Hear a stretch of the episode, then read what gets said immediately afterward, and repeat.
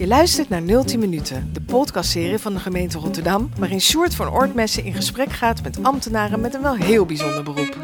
In deze aflevering filmcommissioner Saskia Cachel.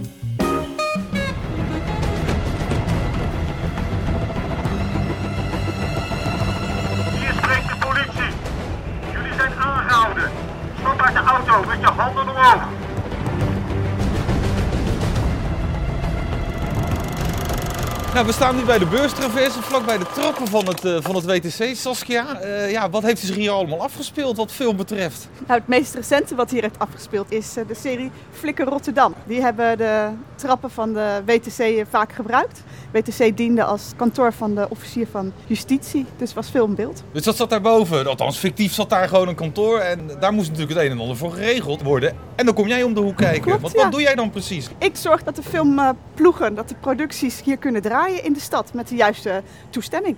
Dus er komt bij jou een aanvraag binnen. En hoe ga je dan te werk? Ja, we gaan eerst kijken wat willen mensen, wanneer willen ze het, waar willen ze het en wat gaan ze precies doen.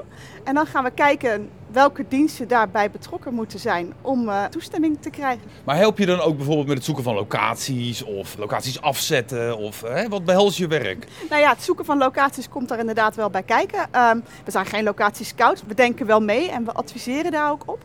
Niet iedere locatie is ook beschikbaar. Hè? En eh, daarna gaan we dus inderdaad eh, kijken wat is er nodig om die opname op die plek mogelijk te maken.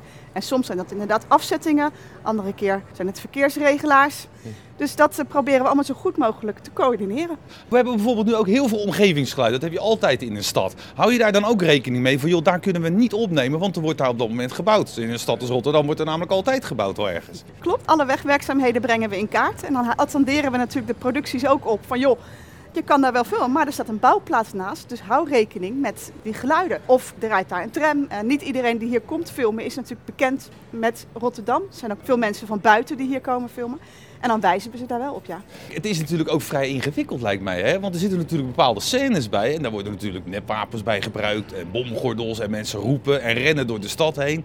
Hoe moet jij dat in goede banen leiden? Hoe doe je dat? Dat begint met het goed informeren van de mensen met wie je werkt. Dus ik moet de juiste informatie krijgen. En vervolgens moet die juiste informatie ook naar de mensen toe die daar wat over te zeggen hebben. Naar de bedrijven die daar zitten, naar de bewoners die daar zijn. eh, maar ook naar de juiste meldkamers. eh, zodat als er iets gebeurt op de set of mensen signaleren iets opvallend, dat er niet meteen paniek uitbreekt. Maar dat mensen weten van oké, daar weten we van, het mag. Maar je kan toch nooit iedereen op de hoogte brengen van zo'n scène midden in de stad? Dat is toch onmogelijk? Dat gaat dan toch een keer fout? Ik kan me één keer herinneren dat het fout is gegaan. En dat is twaalf jaar geleden gebeurd. Met eh opname van ehm politieserie toen de tijd Spoorloos Verdwenen. Ja. En toen hebben ze inderdaad bij een tankstation ergens eh, diep op Zuid... stond er toch onverwachts politie op de set met getrokken wapens. Omdat zij dachten dat er echt iets gaande was. Ja, dus we waren gebeld. Ik vroeg mezelf ook af, hè, is, is Rotterdam nou een beetje een, een filmstad aan het worden? Gaat dat nou echt die kant op? Want vroeger werd hier echt nauwelijks iets opgenomen, toch? Met de loop der jaren zie je het aantal draaidagen stijgen. TV-series die vinden het heel leuk, maar ook de commercials. Met name autocommercials vanwege de internationale look en feel die de stad heeft. Komen graag naar Rotterdam toe. En is het ook makkelijker voor een filmcrew om hier iets op te nemen in Rotterdam? Ja. Ten opzichte van andere steden? Ja, ja. Amsterdam bijvoorbeeld? Ja, in Rotterdam willen we het heel graag. We vinden het leuk dat er gedraaid wordt. Ehm, we ontvangen de filmploeg gastvrij. En ehm, wij gaan er altijd vanuit dat we proberen dingen mogelijk te maken. Zit er ook nog een andere gedachte achter dat wij in Rotterdam juist die films hier willen laten draaien? Is het een beetje misschien ter promotie van onze prachtige stad ook? Nou ja, ook. Het is natuurlijk een deel city marketing, maar ook een deel het versterken van, eh, van de sector die we in Rotterdam ook hebben. We hebben hier natuurlijk ook Rotterdamse makers, we hebben Rotterdamse crew. Dus het is natuurlijk heel fijn als je dat kan combineren. Dus dat je een productie kan combineren met bestedingen en werkgelegenheid en met, een, eh, eh, met de stad mooi in beeld brengen. Even weer terug naar jouw functie. Er moet af en toe de telefoon bij jouw kantoor overgaan. En dan krijg je een aanvraag en dan denk je, wat heb ik nou weer aan mijn fiets hangen? Nou ja, de meest eh, gekke aanvragen die hebben eigenlijk altijd te maken met beesten, met dieren. We hadden niet zo lang geleden een eh, opname met een, met een kameel die dan met een karavaan door de stad heen ging. Een tijdje terug was de Wena-tunnel was net geopend. En toen kwam er dus een scène met een op hol geslagen paard. Weet Ja. je? En dan weet je dat iedereen heeft zijn best gedaan die hele tunnel netjes te maken. En dan moet er dan zo'n zo'n paard doorheen opgejaagd worden. Weet je? wel? Ja, dat zijn toch leuke, ook spannende dingen. Wat zijn nou echt de spectaculairste of de meest gevraagde eh, locaties binnen deze stad Rotterdam? Dat zijn met stip de Erasmusbrug en de Kop van Zuid. En hoe ga je daar dan mee om? Want je kan natuurlijk niet om de twee weken de Erasmusbrug afzetten. Nee. Jij moet dus heel vaak neven kopen. Ja, ik moet helaas eh, veel neven kopen. Ja. Ben je iemand die een beetje streng is? Nou ja, ik vind het lastig omdat je natuurlijk ook te maken hebt met mensen die heel passievol zijn. Hè? eh, voordat ze bij mij komen, hebben ze al een heel traject gelopen hè? met financiering van films en Ja. mensen bij elkaar zoeken. En het laatste stukje om het te realiseren komen ze bij mij. Dus ik kan me die emoties heel goed voorstellen. En ik probeer dus ook altijd mee te denken aan een, aan een alternatief. Dus dan zeg je van, joh, nou niet de Erasmusbrug, maar neem maar een ander klein bruggetje. De Nee, de Willemsbrug de kan wel. Willemsbrug is makkelijker, er rijdt geen tram overheen. Ja, En eh, wel een bus, maar een stuk minder. Dus eh hoeft ook niet open. dus de Willemsbrug is een beter alternatief dan, eh, dan, dan de Erasmusbrug. oké. dus nadat ze jou gebeld hebben, hangen ze niet altijd huilend op. Nee, meestal niet. Meestal zijn ze blij dat je meedenkt. En ik zeg ook altijd, nee is ook een antwoord. Een productie wil snel een reactie en dan kunnen ze door met een alternatief. Er is niets vervelenders dan ze aan het lijntje houden en eh, tijd rekken. Ja, we staan nu bij de Koopgoot, maar iets verderop bij de Bijenkorf, net daarachter, de Arend van is ook een hele spectaculaire scène opgenomen. Daar gaan we nu eventjes heen wandelen. Dan kan je, als we daar zijn, kan je mij uitleggen wat zich daar precies heeft afgespeeld. Daar ben ik wel erg nieuwsgierig naar. Ehm, maar onderwijl wij toch aan het lopen zijn, wil ik heel graag van je weten wat nou de allergrootste productie is geweest waarvan jij denkt dat ooit in Rotterdam heeft, eh, heeft plaatsgevonden. Dat is natuurlijk nog steeds Jackie Chan. Zo lang Ja, geleden, dat was ergens dat- in 98. Ja, klopt. En dat is toch de allergrootste internationale speelfilm die hier in Rotterdam eh, gedraaid heeft. Maar dat moet meteen een productie geweest zijn voor jullie, hè? Ja, waanzinnig.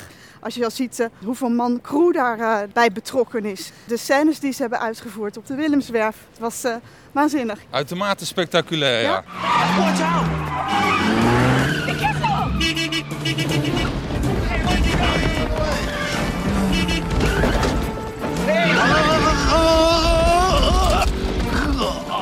Nou, we zijn aangekomen bij de Arend van Neststraat. Eh, hier heeft een spectaculaire scène plaatsgevonden. Leg eens uit. Ja, klopt. Voor de speelfilm Baantje hebben ze hier een, eh, een geldtransportoverval eh in scène gezet. Ja. Met explosies, wapens, de hele mikmak. En wat moet je dan allemaal afzetten voor zo'n scène? Het allerbelangrijkste sowieso, het begint al met wanneer kan het, want ze hadden daglicht nodig. Dus we, we hebben het eh, zondagmorgen heel vroeg gedaan voordat de stad open ging en voordat natuurlijk de bijenkorf open ging. Ja, is dat een beetje een goede dag, zondagmorgen? Zondagmorgen, ja, het is eigenlijk de enige dag waarop je dus dingen in het centrum echt grote dingen kan doen. Omdat Ja. je natuurlijk eh, ja, te maken hebt met de winkels die open zijn. En ja, die moeten natuurlijk ook draaien en, en bereikbaar zijn. En je wil niet dat zo'n filmploeg ook een aanzuigende werking heeft op publiek. We hebben dus gezorgd voor, voor het tijdstip. En dan geven we ook echt een hard slot van ja, dat moet echt om 11 uur moet het klaar zijn. En dan is dan de productie van kunnen we dat in die tijd of niet. Dan is de dag zelf. Ja, ja. Hoe gaat dat dan in zijn werk? Ja, nou mensen moeten natuurlijk van alles indienen. Bijvoorbeeld een verkeersplan. Hè? Want ja, je moet zorgen dat er geen mensen in de buurt van zo'n explosie kunnen komen. Het is toch een stunt. Dus er worden dan eh, verkeersregelaars neergezet bij hekken. Aangeven dat er filmopnames zijn. Dus dat mensen niet schrikken van als ze wapens of, of een explosie of wat dan ook horen. En daarbij heb je natuurlijk eh, wapens op de set. Dus die moeten natuurlijk allemaal vrijgewaard worden. Dus dat zijn allemaal eh, zaken waar je, waar, je, waar je goed over na moet denken. En wat daar nog bij komt in dit specifieke deel, is dat je natuurlijk nog zondag rust hebt. En je hebt hier niet zo heel ver vandaan nog bij hang een kerk. Dus daar moet ook afstemming zijn van, joh, we willen dit gaan doen. eh, dat je niet door een dienst heen knalt of zo. Maar ben jij dan degene die de tijd in de gaten houdt als het 11 uur is, dat je meteen zegt, hup, van de set af hier?